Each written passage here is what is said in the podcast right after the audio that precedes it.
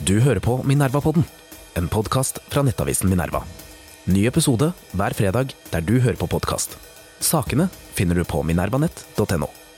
Minerva-podden er en podkast fra avisen Minerva. Det er gratis å lytte til Minerva-podden, men det er ikke gratis å lage avisen. Hvis du vil støtte Minerva, kan du tegne abonnement ved å gå inn på minerva.no abonnement, eller du kan vippse oss penger for å vise at du setter pris på podkasten, til mediehuset Minerva. Velkommen som abonnent. Hei og velkommen til Minerva-podden. Mitt navn er Nils August Andresen. Jeg er ansvarlig redaktør i Minerva. Med meg i studio i dag har jeg Brita Møystad Engseth. Hei. Hei. Du er her står det foran meg på, på VG at du er journalist, men eh, du er filmviter. Jeg er filmviter, ja. Og profesjonell lesbisk, har du forlatt Ja, meg. det er jeg faktisk. ja. Får, Eh, får du betalt for, for å, å bedrive For å- den aktiviteten? For å bedrive lesbianisme, jeg Ja. tror det heter det. ja, av og til så gjør jeg faktisk det. Av og til så ringer folk og sier Hei, kan du komme og uh, si dette uh, fordi du er lesbisk? Så jeg antar jo at det Ja. Da er man jo på en måte profesjonell. Eller, Ja. sånn. Ja, det, det, det, er noe som de heterofile så langt uh, mangler. ja, det er jo det. Så det er en rettighet som vi må, må jobbe for. ja. Du, du, kom og snakk fordi du er heteromann. Jeg tror kanskje det i og for seg er et marked for det, men det er bare at det, det er så stort tilbud at prisen blir veldig, veldig lav. Den gjør det. Du får ikke noe høy markedspris. Men du, vi Ja. er samlet her i dag uh, for å snakke om woke. Ja.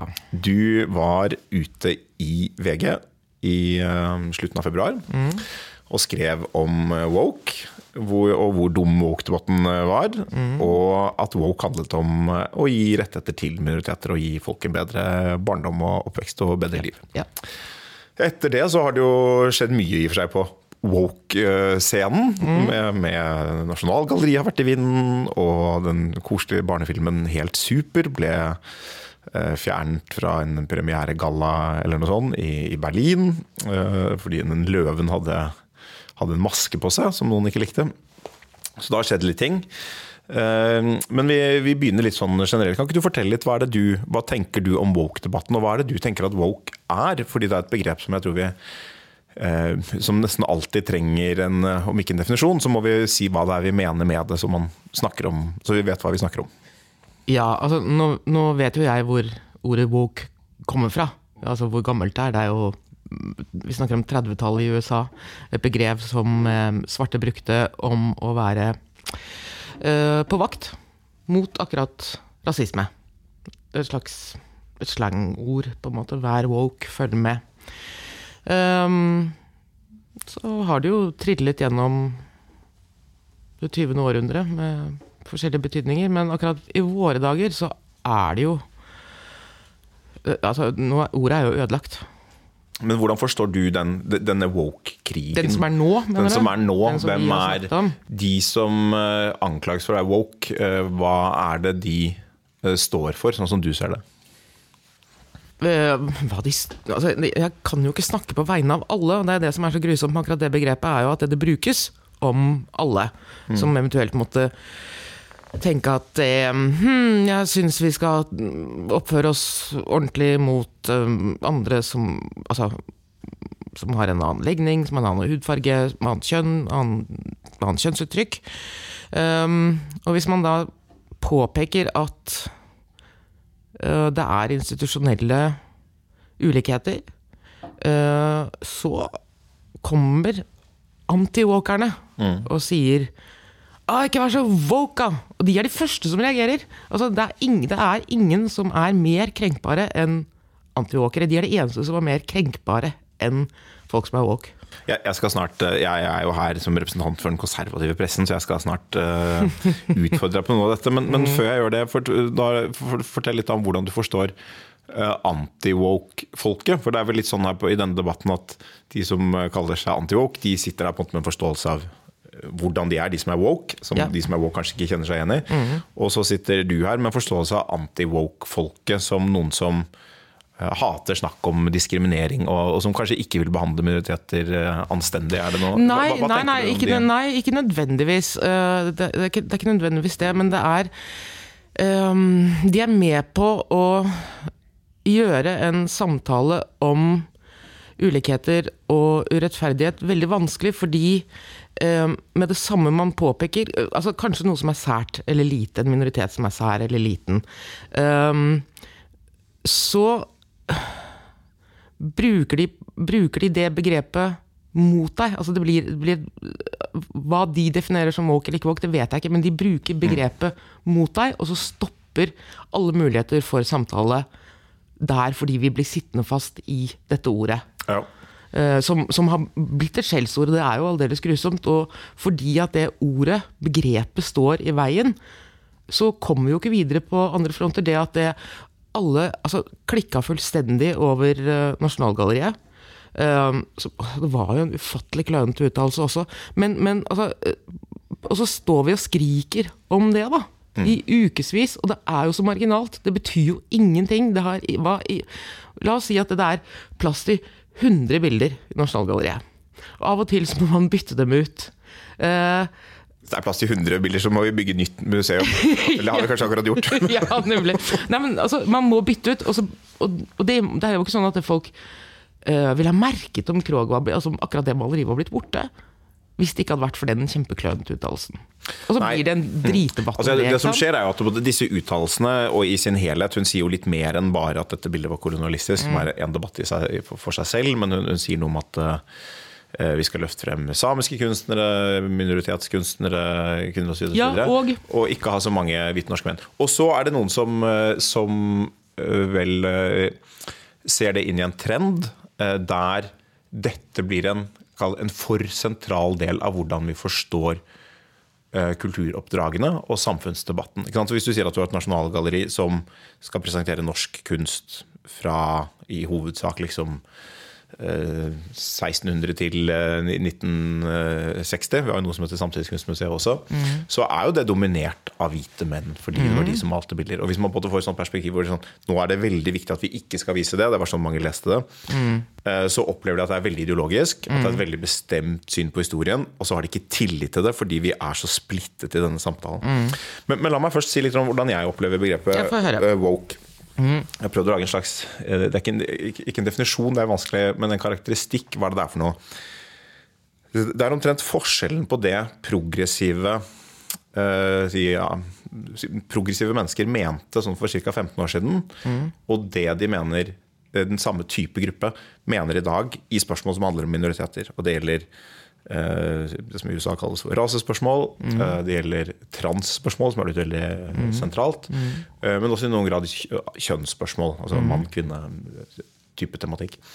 Og, og, jeg prøver å si litt om Det er på den egen diskurs som Det er en måte å snakke på med en rekke ord som går igjen, mm. som typisk betegner at dette her er At, disse, at undertrykkelsen er allestedsnærværende og på en måte sentral i konstruksjonen av samfunnet. Eh, det er ord som hvite privilegier, eh, white fragility. Mm. Måten vi i dag bruker kall det heterosis-normativitet på som eller denne type gruppe mennesker bruker det på som, som grunnleggende problemer ved samfunnet, hvor veldig mange fenomener tolkes i denne um, gjennom de brillene. Og så fører det til en del konkrete typer standpunkt, standpunkter som tror jeg, og det er der på en måte eh, kanselleringskultur det er der jeg kommer inn, som egentlig er veldig lite populære. Eh, og det skiller det fra eh, situasjonen litt tilbake i tid. Så ta for eksempel, I 2008 så fikk vi likekjønnet ekteskapslov i Norge. Mm. På det tidspunktet var det vel et knapt flertall i befolkningen for det, tror jeg. Det kan hende du husker det bedre enn meg, men det var sånn det hadde, hadde økt en del. Det hadde vært en, en god del allerede liksom, i 1993, da partnerskapsloven kom. Og så hadde det vokst til, eh, til, et lite flertall, tror jeg, eh, den gangen. Og i dag er det et stort flertall.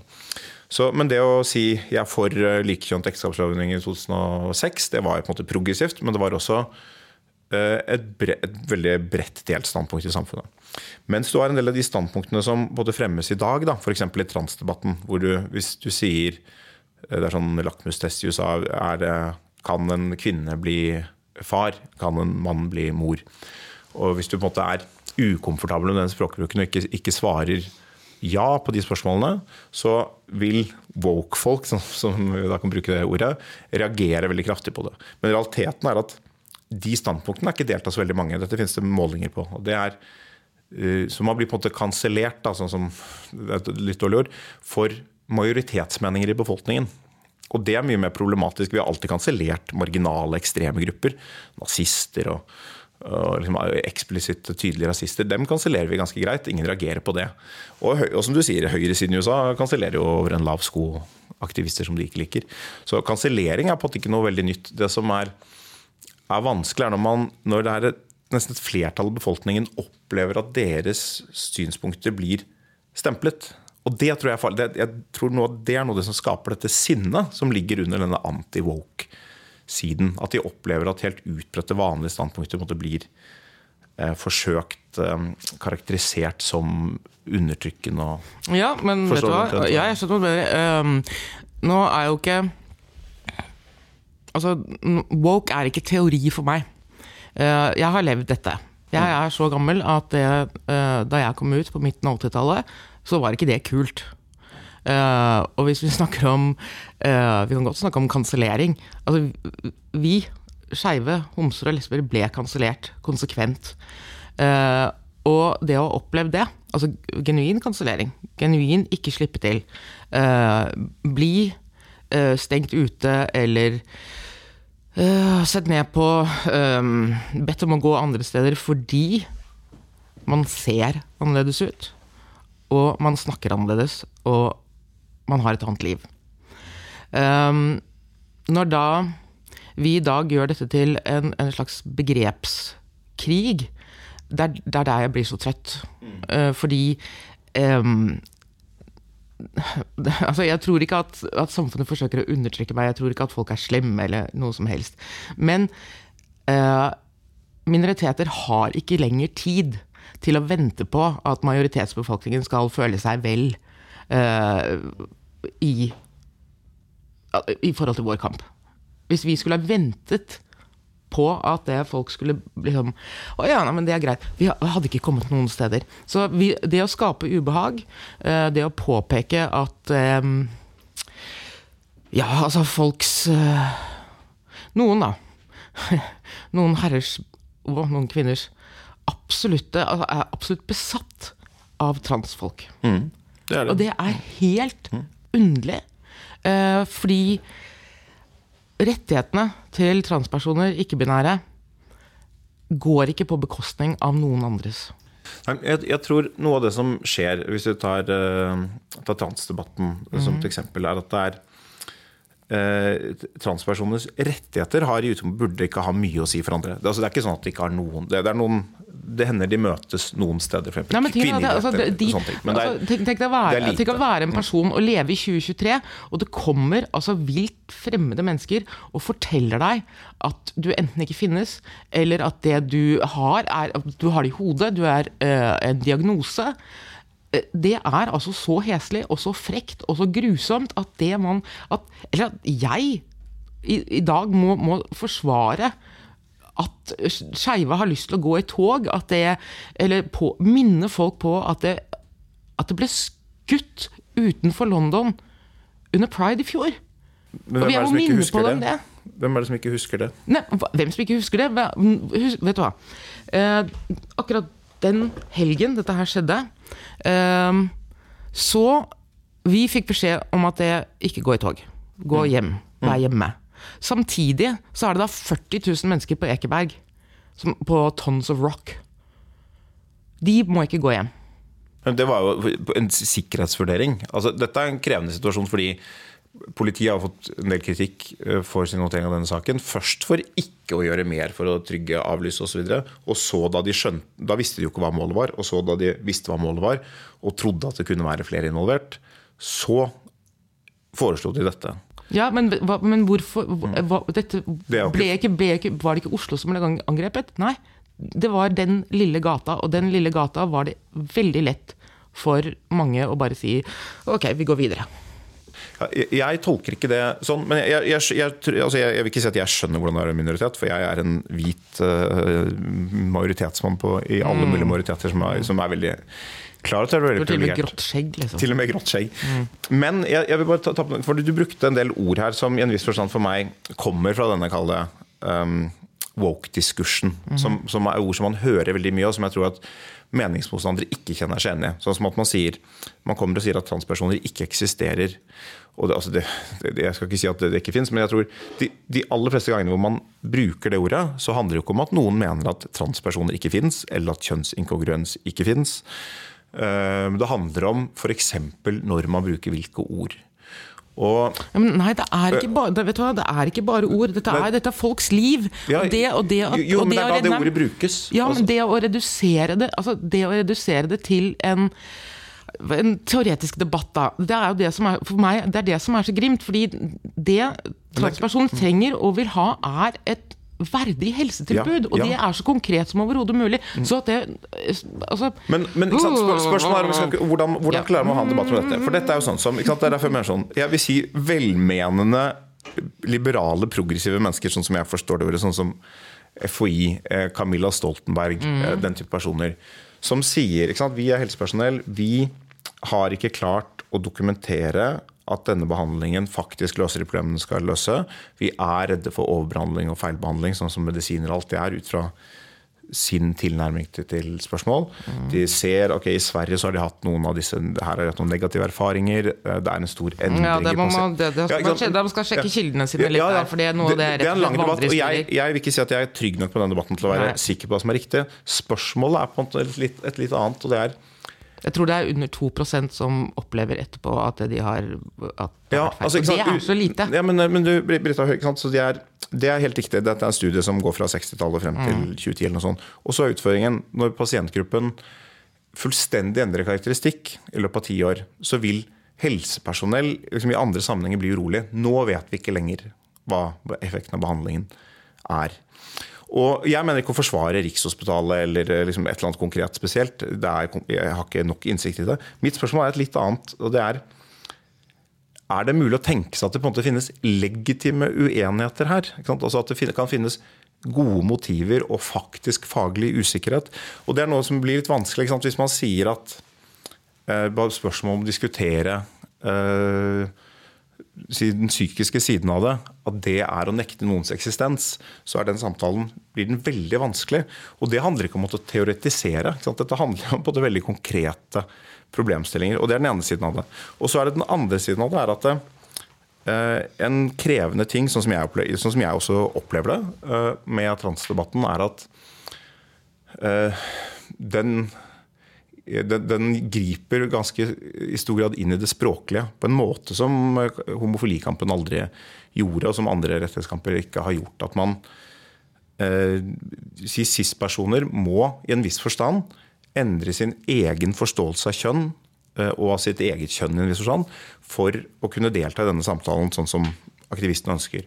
At man må være en cis-person, Jo, det er en person som har en kjønnsidentitet som samsvarer med biologisk kjønn. Noen vil mhm. problematisere biologisk kjønn også. Mm -hmm. og, eh, og, det er ikke åpenbart hva det er. Det er ikke åpenbart hva kjønnsidentitet er. Det er et, det er et komplisert begrep, både, både filosofisk og empirisk.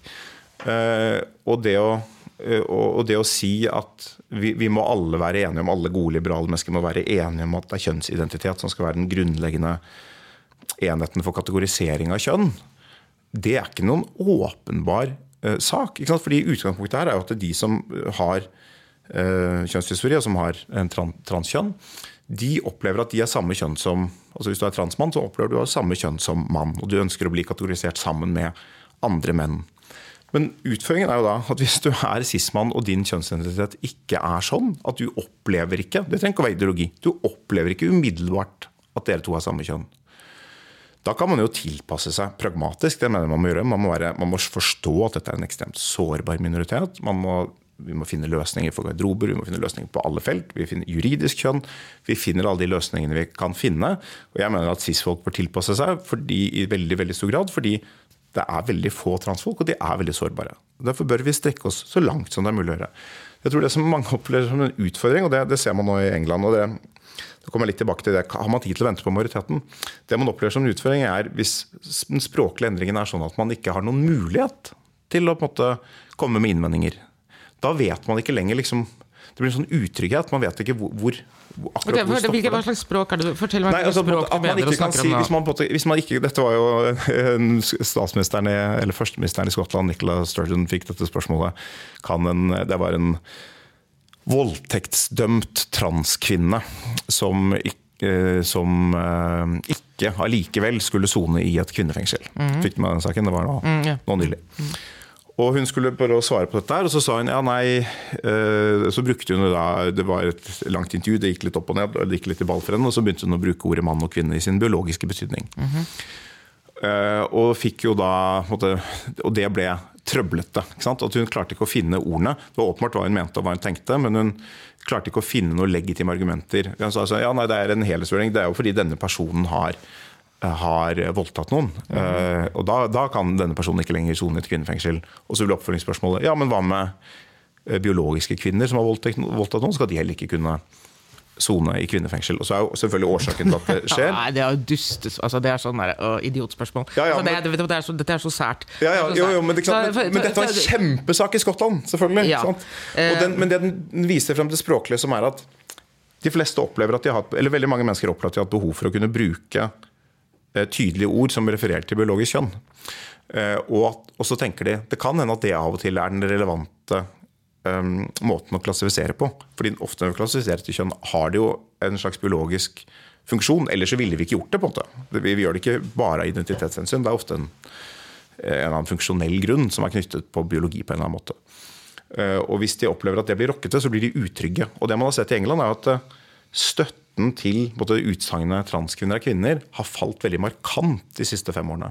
Og så kan man si at det er pga. den aggressive anti-woke-retorikken og debatten og propagandaen. Og det, det er det i en viss forstand, det tror jeg kanskje er riktig. Men, men den kommer fordi den blir mulig. Eller sånn, den kommer fordi den er en reaksjon på det, hvis, du går, hvis du går tilbake seks-syv år i tid, så, så opplevde i hvert fall jeg at det var en sånn, I det liberale sentrum i moderate kretser så var det en mye større positivitet til transkampen, som har blitt erstattet av en sånn slags angst.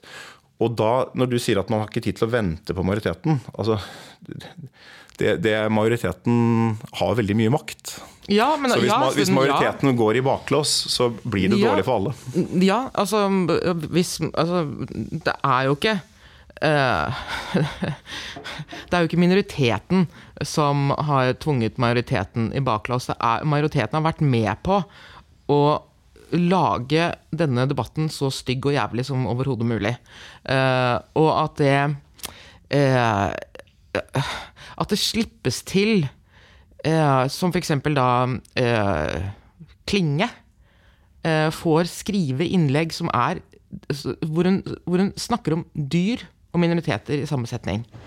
Det gir jo ikke mening, men det er med på å skape en, et klima, en, en tone, eh, som er helt heslig. Og det er, forund, og det er forunderlig uh, å, å være voksen lesbe og ha vært gjennom en ganske heftig homokamp, liksom. Og så stå her og oppleve at dette dukker opp igjen. Uh, og at det Ungene som kommer etter meg, ungdommen, at de må begynne på nytt igjen.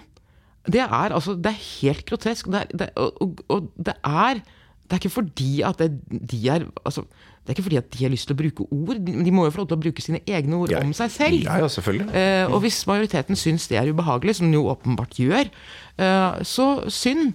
Men forskjellen nå er jo at det, vi kommer ikke til å stoppe. Dette lar seg ikke stoppe. Det, kanskje, jeg håper om jeg vet ikke, kortere enn 15 år, da, eh, at kjønnsidentitet, altså bare begrepet, eh, ikke må brukes som noe som helst. Og den interessante ting er jo at det, når jeg Hva, hva mener du med det? Nei, når jeg snakker, for eksempel når jeg snakker om mitt liv, ehm, så er det eh, identitetspolitikk. Det defineres som identitetspolitikk. Eh, når du snakker om ditt liv, så er det politikk. Nei, nå har blitt det hvit identitetspolitikk. Jeg har blitt hele Trump-bevegelsen. Nå, har vi også- nå har vi også blitt en identitet. ja, jeg, altså, jeg, jeg skjønner hva du mener. Det, det er sånn det har vært. Sånn det har vært. Men nå tror jeg man nesten har begynt å bruke det om altså, og det er på det, det, Men det er noe av faren. ikke sant? At det, faren er at utfordringen med identitetspolitikk er den dagen majoriteten begynner med det, så går det veldig utover alle andre. Du kan si, Majoriteten gjør det jo alltid, i noen grad, uten å være seg det bevisst. Da kaller man det ikke for identitetspolitikk, og så sier man at de andre driver med identitetspolitikk. Men når det politiseres og tilspisses, og det er på en måte min frykt ikke sant, med at du får Du sier at det må Ja, Hva er det du frykt? Hva er det du er redd for? Hva er det du er redd Ja, for skal er jo- skje? Fortell meg hva som er Hva, hva? Hva er det grusomste som kan skje? Ja, altså, noe, av- noe av det, det grusomste som skjedde, var jo at Trump ble valgt. Eh, og kan velges igjen. Og det er også i en viss forstand Det er på en måte et aspekt ved kulturkrigen. At kulturkrigen skaper noen fronter som mobiliserer, og som polariserer. Og som jeg tror dytter flere Og det er derfor, derfor jeg ikke tror på dette om 15 år så blir alt bra. Som dytter flere folk Jeg tror ikke det, jeg håper det. Nei, Som dytter flere folk til anti-woke-siden enn til woke-siden. Og det, og det er Du mener, altså, du, ok, du tuller nå. Du mener, er, er det woke som har skylden i at det er Trump valgt? Nei, altså, det er ikke woke som har skylden, men det er denne konflikten mobiliserer for Trump. Altså, vet du hva? Grunnen til at Trump ble valgt, som vi glemte å snakke om, var jo at han hadde sittet i tolv sesonger i Ja, ja, ja. prime time TV og solgt seg selv som en leder og en forretningsmann. nå skal jeg fortelle en, en morsom ting ved det, det valgstudier etter 2016-valget. Mm. Så hadde de tatt eh, en rekke UD, undecided um, Mm. velgere som ikke hadde bestemt seg, eh, og presentert dem for en del Da brukte man ikke ordet woke, det var før det ordet ble veldig tydelig, men en del Mm. sånne progressive talepunkter om eh, rase, om kjønn, om trans osv. Mm. Som var fra liksom, disse organisasjonene, som var egentlig et positivt lys. da. Og så så de at det økte markant støtten for Trump. Det at de bare ble eksponert for uh, de talepunktene til de progressive organisasjonene. Okay. Så det er veldig skuffende selvfølgelig på vegne av menneskeheten, men, men Ja, men USA er jo en, et, altså er et u-land, et religiøst u-land, fundamentalistisk stat. Men jeg tror vi finner noe av det, det, det, det Min bekymring hva, hva som er min bekymring jeg, jeg sa det til deg før i begynnelsen. Min bekymring er Russland. Min bekymring er geopolitikk. Mm. Og min bekymring er at woke-krigene eh, svekker samfunnslimet. Sånn at jeg ønsker Ja. at de skal være mindre intense. Ja og, så når du, og når du sier uh, vi må bare gønne på, majoritet, det er majoritetens skyld at den blir sur, så ser jeg på en måte bare ok, da blir det bare mer og mer konflikt. Fordi uh, fordi jeg tror det er, no, det er noen punkter her hvor jeg tror majoriteten ikke så lett backer unna. Og det er sånne punkter som be- begreper som si, begynte med altså Du har et begrepsapparat som er veldig altomfattende. Eh, Og som, eh, mens tidligere tiders rasisme var sånn Den var eh, kunne avgrenses. Dette er rasisme, dette er ikke rasisme. Man kunne snakke om diskriminering i boligmarkedet. Det er konkret. Vi kan prøve å løse det. Mens white fragility, white privilege jeg mener Det er ord som i og for seg Dette er vi importert. ja, ja. Ja, og det er men, men det har en mening, vi kan bruke det. Men, men, men de er så altomfattende at alle føler seg anklaget, og det finnes ingen løsning. Og, og det er jo sånn som dette siste eksempelet, som, eh, som er litt annet. altså denne denne løven, da. Nå får dette et etterspill, og noen trekker seg fra denne organisasjonen. som Ja, altså det, var, ja, sånn. det var en tulleorganisasjon, men, Men det, allikevel. Ja. det, det er det på en måte Når folk sier woke, så ser de at dette er en strømning. At det er hvor denne type fenomener typisk dukker opp, og hvor denne filmfestivalen i Berlin legger seg på rygg med en gang, for den vil ikke bli beskyldt for at den ikke tok blackface på alvor. Det er da snakk om en brun løvemaske ja. som dekker bare halve ansiktet. Eh, sant? Og så, sier, så ser man norske eh, mennesker som jobber på feltet, som også sier ja, men det må man forstå at det, dette kunne leses sånn. Det, kunne, det var en kobling mellom dyr og, og blackface, og man kunne tolke det på den måten. Og det kunne man, ikke sant? men poenget er at du, du, da er inne i strømningen hvor eh, alt kan alltid tolkes Ja, sånn. ja. Og spørsmålet er om vi skal velge alltid å tolke alt Nei. gjennom disse brillene. Nei, det, jeg helt, altså den, det, det var en Det var woke, er du enig? ja, det, Nei, det er mer enn woke. Det, det, er bare Det er dumt. Skjønner du? Det er, det er bare dumt. Ja. Uh, jeg er 100 sikker på at ingen ville ha tenkt det. Eller kanskje to personer ville Mm. Ja. ha tenkt det, jeg vet ikke. Ja. Uh, men når man da påpeker det, så blir det da altså en sånn skrullereaksjon som jeg er helt med på er med på å ødelegge alt. Og som gjør da Og fordi at det, da dette fuckings woke-begrepet har invadert eh, kulturen og sånn, så sitter vi da og må snakke om det. Men Eh, er det ikke derfor viktig måte, at, man, at de som er woke, da, om du vil, er tydelig på å avgrense hva dette fenomenet er. Jeg oppfatter fenomenet litt som ordet nyliberalisme. Og det er en erkjennelse. Så jeg, jeg var vel den som hatet bruken av det ordet. For det ble jo brukt som en sånn anklage mot oss på høyresida. Mm. Um, over en lav sko, og ingen av oss følte at det traff. At det, alltid, det, forble alltid udefinert. Det sauset sammen New Public Management, som vi kanskje ikke støttet. Uh, skattelette, mindre stat, uh, utenrikspolitikk. Uh, liksom alle mulige fenomener som man ikke likte, ble puttet inn i dette begrepet. Mm. og jeg følte ikke at det traff. Men når jeg ser på det i ettertid, så tenker jeg at det var et begrep som ga mening.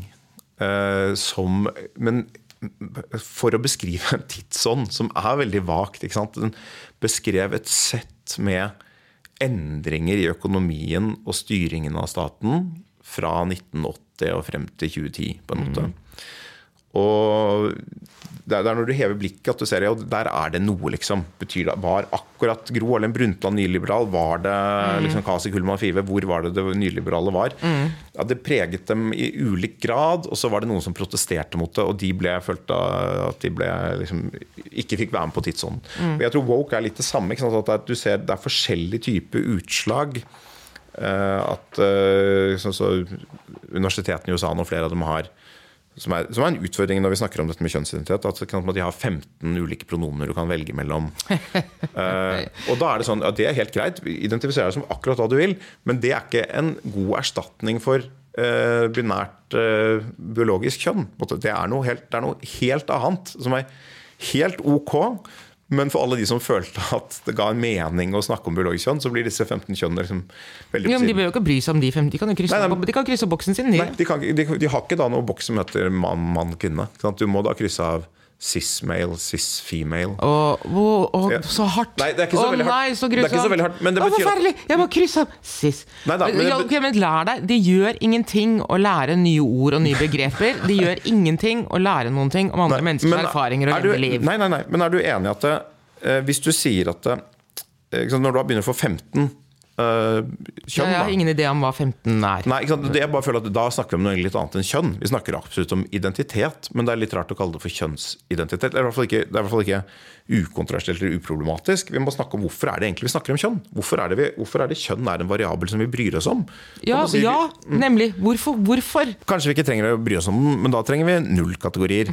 Eh, men jeg tror at hvis vi først skal snakke om eh, kjønn, hvis vi først blir pådyttet 15 kategorier, da får folk liksom et behov for å, for å si da at jeg, jeg opplever at eh, to er meningsfullt for meg. Altså, vi må kunne ha en samtale. Hvem er det som bestemmer hvordan vi kategoriserer dette?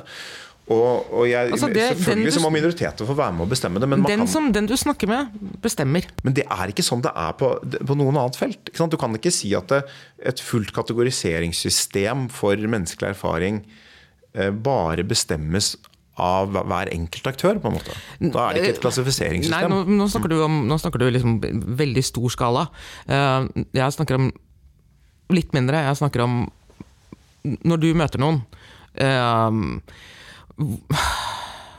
som du kanskje er altså, Jeg går på do uh, og møter kvinner som sier at jeg har gått feil.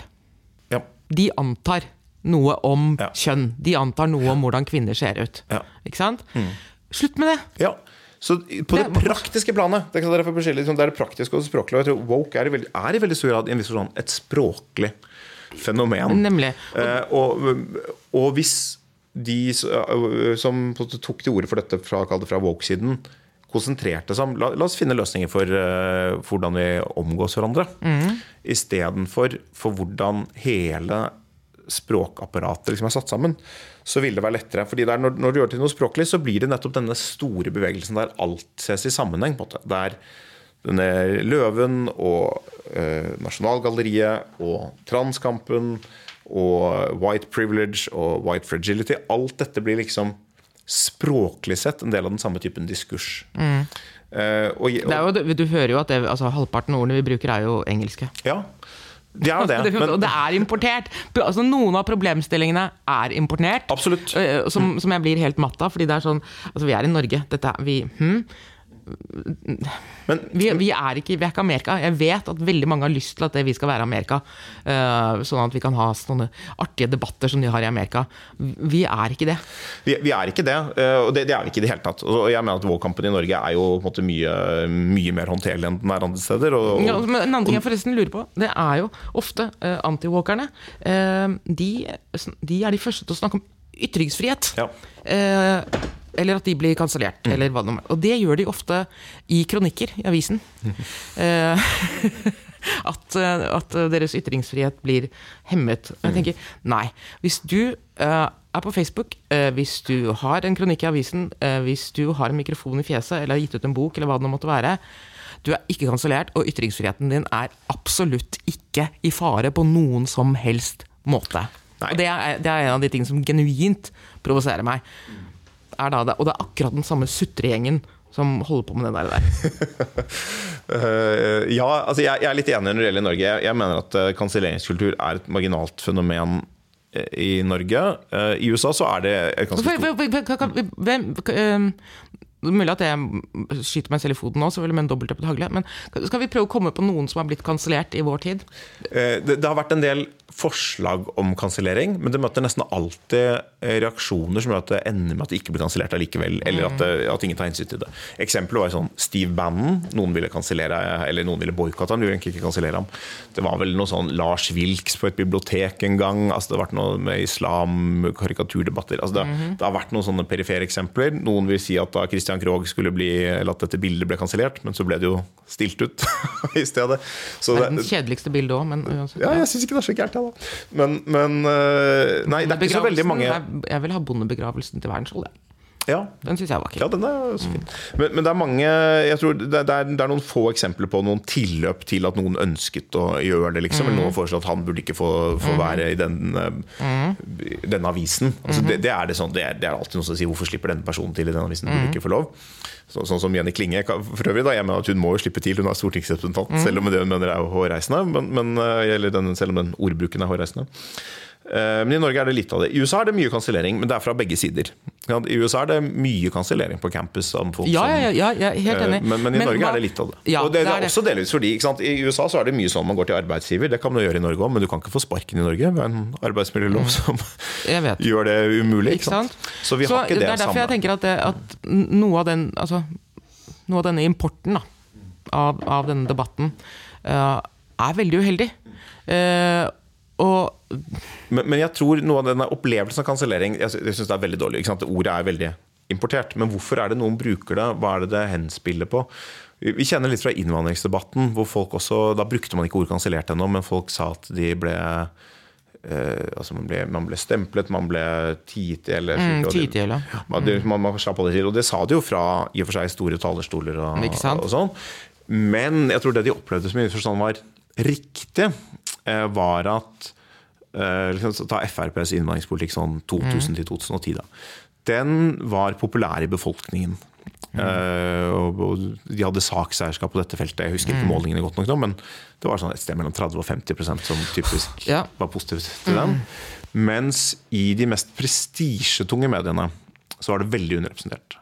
Og, det, og i akademia og en del sånne ting. Og det, det er en sånn type skjevhet som vi finner gjennomgående. At det er Eh, på, på HF-fakultetet, SV-fakultetet, så er det liksom 1-2% som stemmer Frp. Blant kunstnere er det 1 mm. Så hvis du tenker sånn de avisene som er mest prestisjefylte uh, intellektuelt altså sånn, det, det, kan være Morgenbladet og Klassekampen og sånn, men uh, NRK, P2, sånne, den type programmer, der var disse synspunktene i en viss forstand stemplet.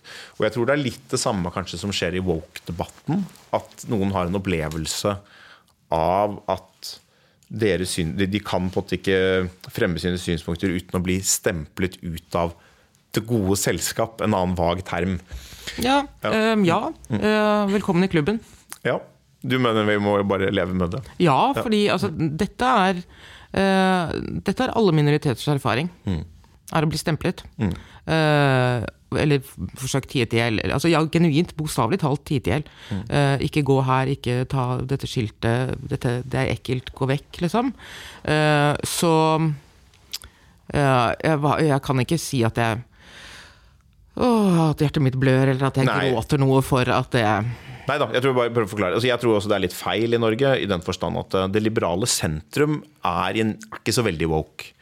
Altså, du får alltid mye, du får mye støtte i Aftenposten og eh, så, så, den type organer si, for en del av disse anti-woke-tingene. Eller for de liberale delene av det. Så Men hvor, hvor viktig tror du uh, uh, media er for uh, de mellom 15-25, altså de som blir skal bli Disse voksne? mediene? Ja, altså, ja.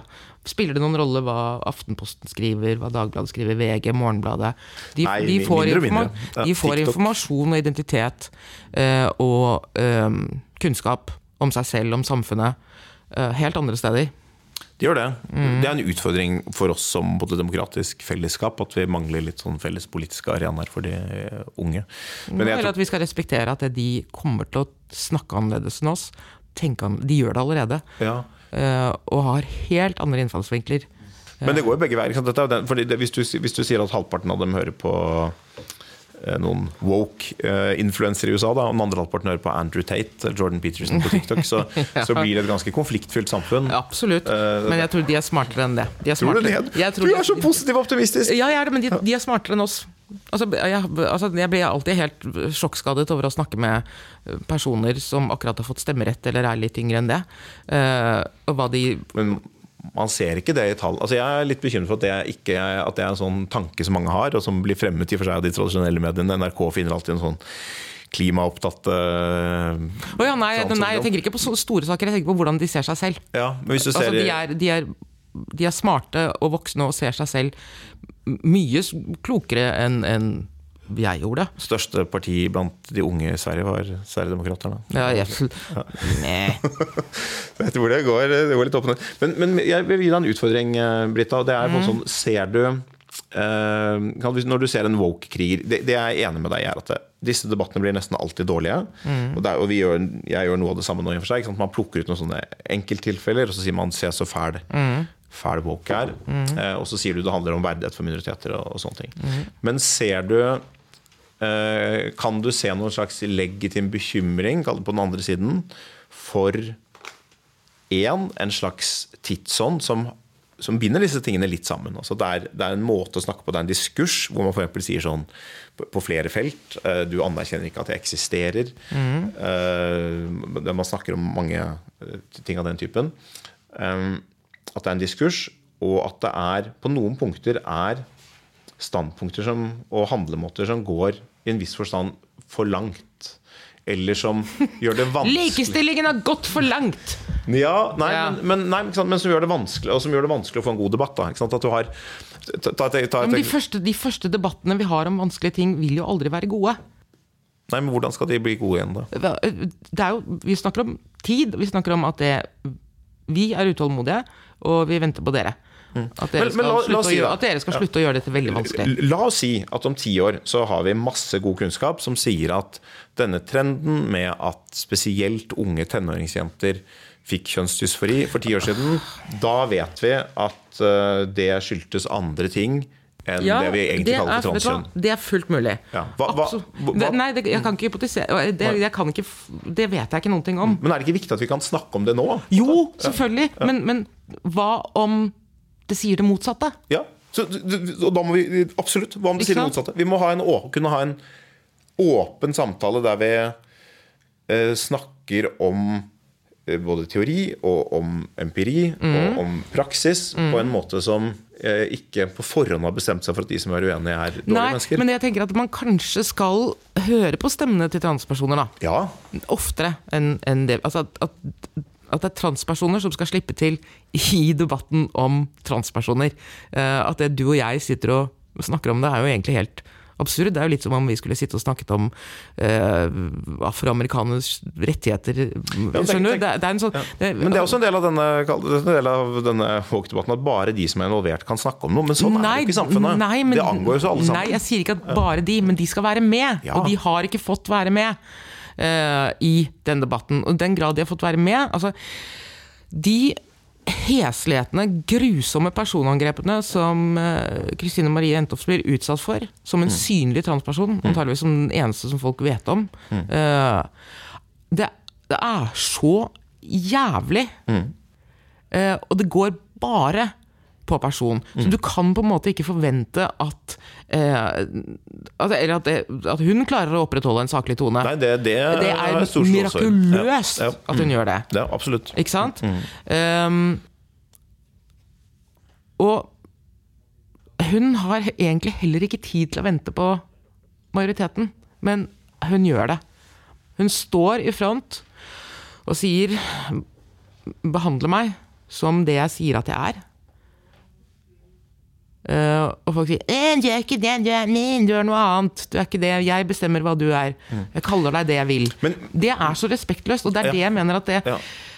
at det vi nå at vi skal teoretisere Men det er ikke det- dette. Det er fordi dette handler om folks liv. Ja, det, det handler om folks liv, eh, som egentlig all politikk gjør. Men jeg opplever litt grann at uh, når, når man skal snakke om antiwalk, så vil din side på en måte vil snakke om den biten. Og så vil jo de fleste Hvis du kan tenke, Hvem, hvem er det som er antiwoke av konkrete personer i Norge som du kan tenke på? Har du noen noen personer du vil putte på det? Med Danby Choi, Ja. eh, Kjetil Rollenes. Ja. Espen Goffeng. ja. Mm, Tror du noen av dem ville hetset uh, Nei, nei, nei. De behøver heller ikke det, for de kan sitte helt stille og rolig bak skrivebordet sitt og teoretisere. Fordi de trenger ikke å gjøre det, de bruker et annet språk. Jeg tror de ønsker å hetse, men bare ikke trenger å gjøre det? Tror du ikke de har, de har Nei, vel alle sammen nei, tatt de, avstand de, fra nei dette? det, det, tingen er at de de gjør det ikke, og de, trenger, de har selvfølgelig ikke lyst til det. Men de, Det er bruker, de, si nei, nei, Ja. Men de bruker allikevel et språk som er um, jeg, jeg vet ikke hvilket ord jeg Som er slemt. Altså, som er hardt. Som er sånn eh, Som er sutrete. Det er fucking sutrete å sitte og være voksen mann og, og være sånn Å ja, nå kan vi ikke si det lenger heller, vet du. Hei, har du hørt det, eller? Nå kan vi ikke, vi kan ikke si det ordet lenger. Det er ganske kjipt. Jeg må skrive en rasende kronikk, eller jeg skal ta det opp i podkasten min. Nå har vi jo podkast her og tar det opp, men jeg, jeg føler kanskje at du bagatelliserer litt hva, hva Altså at du, at du karikerer litt hva det er de reagerer på. Og og i motsetning til Nei, nei, nei, hvordan, i motsetning hvordan de karikerer sine motstandere. Nå må du gi deg. Jeg forventer at alle i offentlig debatt karikerer hverandre hele tiden. Men, ja, altså så- det er ja, nei, det er Men, men altså, måtte, hva konkret er det man vil reagere mot da, i eksempel en transdebatt? Sånn Anki Gerhardsen har skrevet masse om disse tingene. Mm. Hun, noen vil jo på en måte si sant, at det er eh, forskjellen på de verste transhetserne og Anki Gerhardsen er liksom bare språket. Egentlig er det verre med de som uttaler seg pent fordi de får uh, slippe til offentligheten og få gjennomslag og sånn. Jeg tenker at det er en veldig uklok tilnærming, fordi vi, det vi må gjøre er at vi må både kunne skille mellom ting som faktisk er meningsfulle, legitime politiske diskusjoner, eh, og det som er eh, hets og hat og illegitime politiske diskusjoner. Ja. Og, og det at mennesker skal få Men leve det er, det, er ikke, det, er ikke, det er ikke så Det er ikke så det er ikke én eller to, det er ikke, det er ikke binært. Nei, Fordi det er ikke binært. I, mellom, mellom dette her så ligger alt til rette for et klima hvor det å gjøre narr av eller protestere mot eller insistere på at øh, Jeg skal ikke si at de, de sier ikke at transpersoner ikke finnes, men at det, at, at det er din definisjon som er den riktige. Og det er ufattelig slitsomt og ufattelig frekt. Og det, det er så det, ja, nei, vet du hva? Det er dritslitsomt å måtte holde på med det fremdeles. At det, mitt kjønn, min identitet, mitt kjønnsuttrykk er oppe til debatt i det hele tatt hos mennesker som aldri har opplevd det, som, som ikke vet hva de snakker om. Som, som, for dem er det teori, det er gøy. Det er ikke sånn, Eh, altså jeg, det, jeg, jeg hadde, et, jeg hadde et retorisk spørsmål i, i uh, fjor. Ok, hva, hva om Hva om de vant, da? Hva om alle transpersoner ble borte? Altså, sånn, Hvem er det som ønsker seg det? Nei, ja, dette er, et, Ja. dette er en øvelse. Ja. Mm. Ja. Hva om de slemme vant? Nei, ikke, men, nei, jeg sier ikke men hva om de ble borte? Ja. Bare sånn, Vi våkner i morgen, finnes ikke transpersoner. Går de da som er antitrans, går de da hjem? Er de da ferdige? Er de sånn mm, Ok, men uh, dette gikk bra, folkens. Da Går vi hjem, da? Ja, altså, ta, men uh, det, Jeg syns det er et interessant spørsmål. Hvis- Og det, og, men man må skille på svaret. Trump han ville ikke gått hjem. DeSantis han ville ikke gått hjem. Han ville funnet på noe annet. Nei, men jeg, Nå spør jeg deg. og Jeg spør deg her, hjemme i Norge. Ja, Dan Bichoy altså, han har, ville jo krangle på noen andre ting, tenker jeg. Men, men ta sånn uh, JK Rowlings, da. Hun ville gått hjem. Da ville hun Eh, sagt uh, eh, ikke- kan, sant? Ja, ja, ja. ja, ja Så, så, så, så Jeg er jo også så lei av alle de folk som skriver det var, det, det var Kjetil Rollnes som skrev forsvarsskrift for uh, sånn virkelig heltemodig, ridderlig forsvarsskrift for JK Rowling. Som om hun trenger det. Og det kommer på trykk i Norge. Det er sånn der mm, Vi må forsvare verdens rikeste kvinne mot Nei, det er drapstrusler og forskjellig, da. Hun har jo mottatt en del. hun. Ja. det, det kommer ikke til å skje henne noen ting. Hun har det helt umerket. Det, altså, Ja, det, det kan ikke vi vite. Når, altså, folk som får draps, vi pleier å ta drapstrusler på alvor. ja, men at det Du, du, sier, du sier at du har lyst til å bruke tid på øh, Russland. Ja, i stedet. Mm. Er helt enig. Men hva slipper til i som kronikker i avisen? Jo, forsvarsskrifter for JK Rowling. Stakkar. Ja, og det er for, men, men jeg tror noe utfordringen er liksom, Grunnen til at jeg bruker tid på Walk-debatten, er jo at jeg tror at vi eh, den er sånn at den blir ikke borte. Den, den, eh, den engasjerer mennesker, og den griper inn eh, De opplever at den berører deres liv på et vis. Selvfølgelig. også altså De minoritetene som er involvert, enten det er etniske minoriteter eller seksuelle minoriteter eller andre, for dem så er det eksistensielt, og det omfatter hele livet deres. Men jeg tror at for en del andre mennesker så omfatter det nok av livet deres til at de ikke er likegyldige. Og det er jo sånn det både hele denne Jeg skal ikke gå langt inn i Jack Rollings-debatten, men det er jo sånn det ligger et bakteppe her eh, for en del av disse aktørene at det er kvinner som har opplevd vold fra menn. Eh, Og som har et trøblete forhold til, til mannskroppen, biologiske mannskroppen. Et eksempel på det er jo eh, Julie Bindel, jeg vet ikke om du har vært borti henne. Som var eh, den, originale turfen, i den forstand at hun var en veldig radikal er en veldig veldig radikal feminist som siden 70-tallet liksom har litt spøkefullt tatt til orde for å sette menn i reservat. og og ment at det er i og for seg akseptabelt at folk er heterofil av legning, men politisk sett så må man omfavne political lesbianism. At det er politisk feil å ha sex med menn og liksom den type ting. Utrerte standpunkter. Hun var i og for seg ganske respektert. Hun var invitert til SVs landsmøter og forskjellige sånne ting.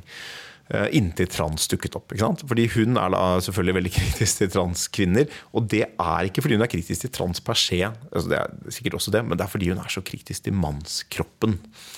Eh, og hun er utrert, hun er radikal, hun står forferdelig langt fra meg politisk. Men jeg tror jeg klarer å forstå i en viss forstand at det er en del, eh, en del kvinner her som har vært eh, voldsofre spesielt, kanskje for seksuell vold, som opplever seg også som veldig sårbare. Og de opplever seg veldig sårbare for nettopp um, å fratas muligheten til uh, å definere hva en kvinne er, til å definere hva, en, hva et kvinnelig rom er. Eh, og det er en sånn Er det overdrevet? Burde de senket skuldrene litt? Burde de sagt uh, det er, ikke så, det er så få transpersoner at det er ikke så veldig relevant? Det er sjelden det skjer. Uh, det, det kan man si, men jeg tror at det er, det er en del sånne ting som oppleves med en det, det nytter ikke å si til disse menneskene at det er ikke relevant, bare slapp av. For de er ikke avslappet. på en måte. Og de har en slags forståelig grunner til at det er sånn. Og så oppå toppen av det så kommer det politiske entreprenører med aktivisme og eh, propaganda og ideologi og, og sinne og, og sånn, som forkludrer det. Men eh, jeg tror liksom ikke at vi helt kommer bort fra at det er noe At det angår folk, da. Nei Ehm, Det Jeg lurer på eh, Bare begrepet ideologi, for eksempel. Ehm, som har også dukket opp her hjemme. Skeiv ideologi. Eh, eller fri. At fri har en ideologi. Ehm, det er problematisk. Eh, For det sier at det vi har sittet og snakket sammen og blitt enige om en eller annen plan eller overordnet tenkning eh, Og det når, det når ordet ideologi brukes som noe farlig, eller som en trussel, eller som noe man skal beskytte seg mot Ja, Det brukes som et, skjellsord. Mm. Men det, vel, det, man kan, kan, så det finnes vel ulike diskurser også blant skeive og blant skeive grupper. Én ting er sånn de som sier homofile og lesbiske organisasjoner som ikke ønsker å være en del av transkampen, men også blant transpersoner finnes det jo ulike syn Absolutt. absolutt. eh, på en del av disse spørsmålene. eh, Og det er Men sånn som gjennom ulike hele, diskurser. Ja, men sånn, sånn som gjennom hele. Skeivt kulturår i fjor folk, ikke om folk husker det? Det var et helt år med skeive ting. Um, så dukket det jo opp uh, Var det jo en debatt om uh, regnbueflagget på en av Oslo-skolene. De hadde heist det. Eh, og da dukket jo opp eh, leserinnlegg og kronikker fra folkevalgte folkevalgte om at det uh, skeiv ideologi ødelegger barna våre, de må, vi må beskytte dem. Um, og at det Det er en annen stygg måte å polarisere på. Som, som ikke er Som ikke, er, som ikke woke-folk har startet. Nei, nei. Altså, det, det, er- det, er ikke sånn at woke-folk uh, utfører alle krigshandlingene i woke-krigen. Det, det har jeg ikke ment. Men, men tenker du at det ikke er noen Det er jo noen ideologiske komponenter i denne striden? Det, ikke, det vil du vel være enig i? Eller? Eller så ville alle vært enige, på en måte. Ja da. Ja da. Um, ja, det, det, er, det er en generasjonsting, tenker jeg også. Jeg tror det er mer det, skjønner du. Ja, men Da er det ideologisk skifte blant de yngre generasjonene. Mm, absolutt. De har, en, de har jo en, en annen bevissthet, en, en, jeg vil kanskje si større uh, bevissthet enn en vi hadde. Altså, jeg hadde noe um, da, da jeg kom ut, så kunne vi velge eh, tre, en, en av tre ting. Uh, bi, homo eller lesbe. Det var det. Det var det. Mm, mm, mm. Og en annen ting var jo at jeg, vi var jo så kyniske at vi sa at ok, bi er bare en holdeplass på vei til homo, liksom. Ja, ja, ja, det, var en, det har vært en stor diskusjon innad i eh, homomiljøet. Ja. Men det, altså, at det uh, Jeg har måttet lære meg å, å Jeg skal ikke si Jeg har måttet lære meg nye ord, og det gjør ingenting om jeg må lære meg nye ord om vi- de som kommer etter seg. Etter meg. Jeg tror vi alle må lære nye ord. Det tror jeg ikke er noen. Jeg, jeg tror på en måte ingen Jeg tror ingen av de aktørene du nevnte her fra Norge, da som vi snakker om Rollnes eller Dan Bichoy, Mm. jeg tror ikke de har noe problem med å lære nye ord. Altså sånn ikke Nei, nei, nei, nei. Men, Men, men, det er, det er, men- jeg forstår ikke Jeg forstår ikke motviljen mot det. Jeg forstår Mm. ikke hva Hva er det de risikerer ved at At dette finnes, liksom? Nei, det, er derfor jeg tenker at det, sant, at det er i veldig stor grad et språklig fenomen. Men det er det på begge sider. Så man kan godt si hva er det de risikerer i livet sitt. eh, Så I overskuelig fremtid relativt lite. Men kampen om språket til å beskrive virkeligheten, eh, det opplever jo alle sammen at har betydning. Eh, Ja. Og det er ideologisk. Og du kan si at, Ja. sant, at det, det er hadde det ikke opplevd at det hadde betydning, så ville det jo heller ikke vært en kampsak for mm skeive Nei, organisasjoner. men har vi, det noen, har vi noen gang opplevd at språket har gått tilbake? Eh, ja, det tror jeg vil si. Russland er et godt eksempel. Eh, Et ord som demokrat. Som Nei, ja, tenker jeg, jeg tenker hjemme. hjemme. Nei, jeg tror ikke vi har opplevd det kanskje ennå. Men, men eh, vi, har, vi har opplevd f.eks. i Storbritannia, da, som jeg viste til et sted, denne meningsmålingen om at eh, ja, der, der er det færre nå som bruker disse en del ord da, Ja, ja. eh, på en kall det den progressive eller woke måte enn det var for fem-seks år siden. Og det kan man godt se for seg at fortsetter. Og det, jeg vet ikke om det, er så, å, det er kanskje ikke så åpenbart for alle akkurat hva som er frem og tilbake her, fordi man ikke er enige om hvor målet eller endepunktet er hen. Mm. Uh, og det er, den, det er den debatten som er blitt så vanskelig å, å ha. Og den blir veldig, jeg enig, den blir veldig ødelagt av dette ordet woke, fordi man blir sittende og diskutere ordet woke. Og, og man, som Bjørn, man diskuterer på en måte egentlig på en måte helt forskjellige problemstillinger, eh, som eh, en løve og en transperson og, Ja, ikke så, sånne ting. Men, det, men det er liksom for Og det at vi diskuterer løven, tar jo fokuset vekk fra noe så konkret som helsetilbudet for transpersoner ikke-binære. Ja, eller, er- eller uh, reell rasisme i Norge. Mm. Men, men jeg, jeg opplever det er litt det samme som vi så i, i veldig mange av diskusjonene om nyliberalisme. Sånn, du kan godt si at det var tøysedebatter, også, men sånn Agora, filosofitiske, så hadde jo liksom flere nummer om nyliberalisme, hvor man snakker om om språklige ting. ikke sant? Hvordan snakker man nå om arbeiderne? Snakker man mer om produsenter og konsumenter på forskjellige områder? Hvordan, hva gjør det med samfunnet? Hvordan endrer det oss? Hvordan endrer måten vi tenker på? Jeg tror det er litt sånn vi må tenke om woke-debatten. At det er et sett med måter å snakke om forholdet mellom majoritet og minoritet på. Hvor en ganske stor del av majoriteten er urolig på en litt annen måte enn tidligere. Og så kan, man, så kan du si vi har ikke vente på majoriteten. og så majoriteten driter i majoriteten. Men, men jeg tror jeg, som majoritet selv, da, så tenker jeg at eh, det er noe her. på en måte. Det er noe som jeg er, ikke, jeg er ikke sikker på om det er så godt tenkt. Jeg er ikke sikker på om jeg er enig. Jeg er ikke Nei, sikker på om jeg er- kan men- stå for disse implikasjonene. Nei, men vi, befinner oss midt i det. Eh, sånn at det At vi forsøker å finne ord og begreper og, og definisjoner. Eh, ja, det gjør kjempevondt. Dette er kjempevanskelig. Eh, men igjen eh, det, er- det er, det er bare en teoretisk øvelse. Altså for de fleste av oss er det bare en teoretisk øvelse. Uh, jeg vet, jeg vet at det er viktig språk og, og sånne ting, så det, det, det er ikke det jeg sier. Er men, det, men, ja. men det er en Vi Det ligger en, til en, de en, lever, eh, eh, utålmodighet i, i Hos alle minoriteter ligger det en utålmodighet. Uh, og det er alltid frustrerende å måtte vente på at vi blir enige om at dette ordet betyr det, så da kan vi handle. Men kan vi ikke handle før vi blir enige om hva ordet betyr? Det virker jo ikke sånn, da! At, sant, Vi sitter jo fremdeles og diskuterer ordet, liksom. Ja, sant, I begynnelsen var ordet Jeg tenker at, sant, at en- av de store, viktige diskusjonene i trans nå handler jo om, om Rikshospitalets eh, praksis og retningslinjer for behandling av kjønnsinkongruens osv. Og, mm. og det er en faglig diskusjon, og det er stor uenighet om den. Og, og du er sikkert eh, kritisk til Rikshospitalets men det er, jeg er litt mer sånn agnostisk på det. Jeg syns det er vanskelig å, å, å forstå og ta ordentlig stilling til uenighetene. Men det er en debatt som man burde gå inn i med stor tyngde, både de som har kompetanse til det. Og det er jo, ikke, det er jo både da profesjonelle behandlere, fagfolk og transpersoner som må gå inn i det. Ja. Det er en viktig diskusjon og en viktig kamp. Ja.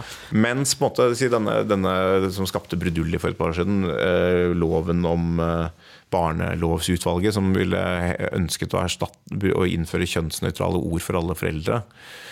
Det er jo ikke en, på, på samme måte en viktig kamp. Det er, det er en språklig kamp. Ikke sant? Det, er en, det er en språklig kamp, Og så er det noen som sier hm, vent litt, er denne språklige kampen godt tenkt gjennom? Og så blir det en stor diskusjon. Og så blir det et eksempel på hvor eh, allestedsnærværende og hvor omfattende dette er. Mens denne retningslinjen den er jo veldig, den angår jo ingen andre enn de som er Altså Den angår helsepersonell, og den angår transpersoner. Og, og pårørende, og, og noen flere. Men, men, men den, er liksom, den er mer avgrenset. Men vi klarer ikke å ta de avgrensede debattene. Vi blir sittende i de store, overgripende, kall det teoretiske debattene. Men det er ikke bare antivåk-personenes skyld at vi blir sittende der. Og det er litt det samme ikke sant, med, med Christian Krogh. Da, at det var, hadde det nå bare vært at eh, dette bildet er ikke så godt. og Helt konkret så var dette bildet på en utstilling om eh, dette her, og det syns vi var litt trøblete. Kanskje vi skal vise det frem allikevel, men eh, det hadde vært en konkret sak. Men i stedet var det det er så mye hvite folk på, eh, på museet, og nå er det samenes tur, liksom. Og det, det, det, det er ikke det at jeg, altså jeg er samisk kultur er en viktig del av norsk kulturhistorie, så for all del. eh, Det er ikke noe gærent å ha det der, men, men man gjør det Tolerant av deg. ikke sant? Nå, er- nå, er- ikke sant? Jeg er progressiv på den 2008-måten. Veldig progressiv. Mm. Sånn at jeg, jeg sier det som en sånn raus gest, mens du forventer det som et krav. Så blir jeg så sur. Men, men eh, man gjør det om til en mye større uh, diskusjon om hvordan vi fremstiller hele vår historie. Og da er det ikke et spørsmål når du skal dytte inn kolonialisme i norsk historieforståelse. Det er jo sånn Altså Det fantes jo, selvfølgelig. sant? Det fantes kolonialistiske aspekter. Utfordringen er hva slags plass er det det skal få? Fordi et hvilket som helst uh, hendelsesforløp på 1800-tallet vil kunne knyttes til kolonialismen. Spørsmålet er er det det som gir mest innsikt, eller som gjør at vi forstår oss selv best. Nei, vi kan, nei, ikke nødvendigvis best, men at vi får en forståelse til. Ja, men, sant, men det er derfor sant, det er sånn at man sier vi skal, du utlyser uh, vitenskapelige stillinger oftere oftere at det står at vi skal ha en postkolonial teoretisk tilnærming. Det, da er det noen briller som er, er satt på, og så blir det en kamp da, om er det alltid disse brillene vi skal ha. Mot, og så kan innvendingen være Ja, men vi har jo aldri brukt det. Altså, jeg skjønner hva du mener. Det, altså, fordi det er ikke sånn at det ikke finnes nok Nei, bøker om, finnes om briller. Den fortellingen finnes, liksom. den fortellingen finnes, men, det, men det, det her man lever i sånne ulike verdener hvor ute i storsamfunnet så er det i og for seg ganske lite av de postkoloniale brillene. Mens i akademiet og i noen typer medier så kan det bli veldig mye av det. Og så uh, får du ikke en balanse noen steder, fordi den førstnevnte gruppen reagerer og steiler over den dominansen som fins i den andre gruppen. Da.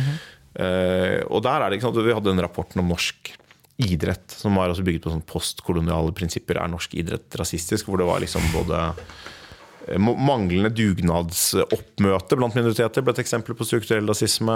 eh, At det var eh, underrepresentasjon i noen typisk norske idretter som langrenn og, og sånn, ble eksempel på eh, rasistiske strukturer. Mens hvit underrepresentasjon i cricket måtte ikke ikke ble det. Eh, Du fikk liksom det, det at det var kompetitivt og eh, jeg tror det var- at et meritokratisk system, det ble sett på som et hvitt og europeisk perspektiv. Altså, du fikk inn alle disse ordene fra, fra den amerikanske diskursen, om du vil, men som kryper inn i akademia.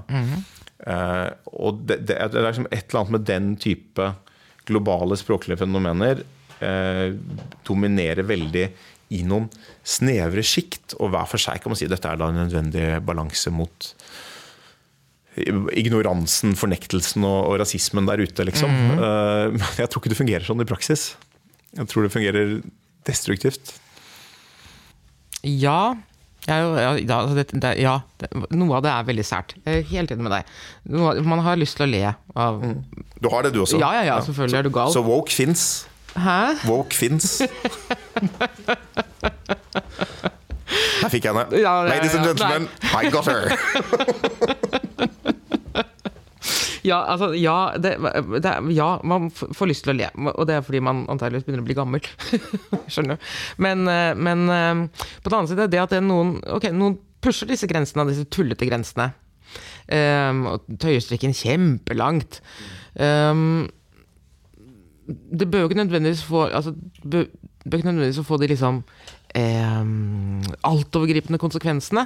Men det er med på å pirke på en forståelse, og det gjør jo ingenting om altså, vår virkelighetsforståelse blir pirket på. Nei, dem det er noe av det beste ved vårt system. Men Og selv om det er de som da pirker, er veldig rare og sier Mm. veldig rare ting, og kanskje noe vi opplever som konstruert, da. Uh, at det Men det er, både, jeg tror det, altså, er, det er to ting. Det ene er når du tøyer strikken veldig langt, så ryker den til slutt. Og så kan, fyker den ja. andre veien. Men det andre som skjer, er at eh, den har dette litt rare, merkelige hegemoniet.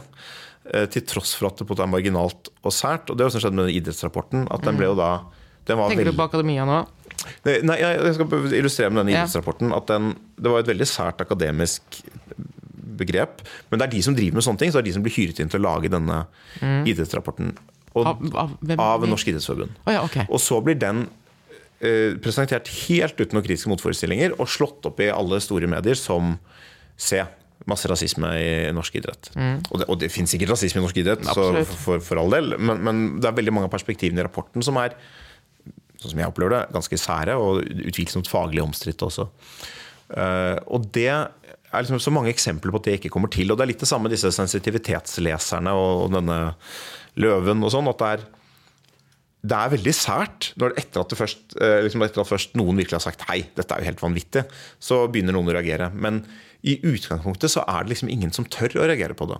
Sånn som denne filmfestivalen i Berlin, som ikke, ikke reagerer. Og sånn som Idrettsforbundet, som, som ikke stusser over noe. De kaster jo på en måte hele sin, alle sine lokallag under bussen. ikke sant? De sier her er det masse rasisme, se dere har ikke fått til nok dugnad fra norskpakistanere og norsk-somaliere i Østfold. Det var en case fra den debatten som fulgte, hvor lokal, ikke sant? Norsk Fotballforbundet i Sarpsborg sier sånn Faen er dette her for noe? Vi har banka på dører og ringt rundt og holdt på det beste vi har kunnet. Liksom, jobbe gratis, steke vafler, og vi får dem ikke til å komme. Skal vi, skal vi henges ut som rasister i Aftenposten fordi, for- fordi det er noen som ikke kommer og lager vafler, liksom? Altså, det er sånn? Og det, det er det er sånn Og da angår det deres liv. Det, er sånn, det, er ikke, det er- er ikke bare sånn dette angår bare minoriteter. Det er samtalen dette her angår alle sammen, da. Eller det er sånn de opplever det. Og, og det, det er der jeg på en måte tror at det er er det, er det et eksempel på at woke er en del av tidsånden, at det er noe som fins? For meg så er det i hvert fall Det Altså, er hva- viktig hva at, viktig at folk på din side sier sånn Nei, hør her, da. Nå må vi, nå må vi rydde opp litt i diskusjonen her. Ja, altså jeg, jeg Det er jo altså det, er en, det var en så rar sak. Jeg er helt enig. En veldig veldig rar, underlig sak. Eh, Jeg lurer på hva bestillingen fra Idrettsforbundet var. Ah, øh, det var sånn nærmest avdekke rasisme. Jeg husker ikke, Det var veldig lagt Altså, opp til at man skulle finne Ok, så det, rasistisk Man gikk inn med Institusjonell rasisme. Hva, hva er omfanget av institusjonell rasisme i norsk idrett? Eller noe sånt. Ok. Ja, mm. Ok. Så, så hva mente Ja, ok. Og det jo, jo, men, jo, det gjør det jo Ja. selvfølgelig. Absolutt. Um, men, altså, jeg kan jo ingenting om idrett, sånn sett. Uh, men la oss snakke om sensitivitetslesere, da. Um, jeg er jo Altså, for meg så er altså, kunst er hellig. ja. Sant? Uh, det noen har skrevet Altså Som ikke er hinsides, sånn som Hitlers selvbiografi. Altså, vi snakker, men, men vi snakker om Ja, den, det hjelper ikke å sensitivitetsstresse den, tror. Nei, ikke sant? Men eh, Jo, det har vært gøy! Sensitivitetslese Mein Kampf. Ja. Bytte ut jødebolsjevik med Eh, ja. Prøv noe. Mm. Hva skal vi prøve? Nei da. Um, nei, men altså um, eh, Jeg leste um, John Steinbecks 'Øst for Eden' om igjen. Eh, en av mine favorittbøker fra da jeg var liten også. Uh, og, og hvis noen Altså, den, handler jo om veldig mye, men uh, annet relasjonen mellom eh, eh, far i huset og hans uh, kinesiske hovmester. Um, og noen av beskrivelsene der man, Altså, han er jo ikke rasistiske, men, men språket er jo et annet. Tiden er en annen. Han skriver i en annen tid. Uh, men det er altså så Språket er likevel så vakkert og så nydelig og følsomt, og skildringene av relasjonene disse menneskene imellom, uh, selv om noen av adjektivene er så, så står ikke det i veien for beskrivelsen av relasjonen dem imellom likevel. Uh, og så tenkte jeg, hva om, hva om, hva om noen satte seg ned og så på Steinbeck eller Hemingway eller eh, Det blir mye endringer. Så, ja, skjønner så, Men vil det bety noe for deg om de berørte minoritetene syns det Om de syns Her må vi endre. Du snakker om de. Nei, det, jeg, det er, for meg går grensen Der der. går altså. grensen der. Ja, ja, jeg, en jeg, det, ja, det gjør det. Uh, og det er fordi at eh, hvis ikke uh, kunstverk Og da snakker vi om alt fra film til eh, litteratur, malerier, hva det måtte være. Hvis ikke det finnes i sin opprinnelige form, så kan ikke vi vite noen ting om Nei, fortiden. vi eller eller hva vi, hva, om vi er blitt bedre eller ikke. Uh, du kan forestille deg hvis, hvis, uh, hvis 'Birth of a Nation' uh, dypt rasistisk, grusom, heslig film. Massiv suksess da den gikk på kino i 1921, rundt der. Eh, hvis den ble forbudt, hvis man ikke kunne vise den, så ville ikke vi kunne vite noen ting om den samtiden den ble laget i. Nei, jeg vil ikke ha, ha det. Og her skal jeg faktisk være Nå skal jeg ta Nå skal vi begynne å bytte roller her litt. Ja, okay. ok. Nei, altså, jeg, jeg, jeg er jo enig med deg i og for seg, eh, men jeg har puttet inn noen nyanser i det. Jeg leste eh, kronikk av Anders Heger og var litt overraskende syntes at den var interessant. Jeg er ofte uenig med Anders Heger, som jo er en woke mann på, på Twitter. Men, men eh, da skrev han, litt samme, altså at kunst er heller den, den rører man ikke ved. Men så gjorde han et unntak for barnelitteratur, eh, kanskje noe annet også. men eh, hvor, eh, hvor enten så gjør vi noen endringer, eller så vil på en måte ellers god litteratur eh, bli irrelevant og forsvinne. Og, det er, eh, og han nettopp brukte som eksempel Tordal som gjorde det, at Torbjørn Egner selv hadde jo oversatt denne Dr. Dyrego, som jo var en dypt rasistisk bok opprinnelig. hadde rundet den av litt i kantene. Jeg, jeg, jeg husker at jeg leste den litt, men jeg husker ikke lenger akkurat hvordan, den er. Men, men eh, at man gjør noen endringer av og til, for, eller hvis det bare er enkeltord som forfatteren i dag ikke ville brukt sånn. Ja, og dette ja. er jo Astrid Lindgren. Ja. Men, men jeg tror noe av utfordringen er at eh, med med dagens woke-situasjon Man har alltid endret på litteratur sånn opp igjennom. Og vi har, når vi har oversatt litteratur tidligere i tider i Norge, så har vi gjort masse tilpasninger. Uten å være så opptatt av at kunsten er hellig i det hele tatt. I gamle dager, så hver gang det kom nye salmeutgaver, så gjorde de jo teologiske endringer liksom, etter, etter forgodtbefinnende.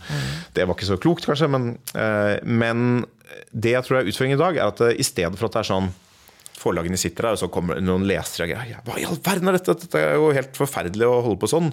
Og hvis det er nok, nok som sier det, og så sitter forlagene der og sier at dette her blir litt uh, rart. Må vi kanskje gjøre noe etter hvert. Det var det som skjedde med Pippi.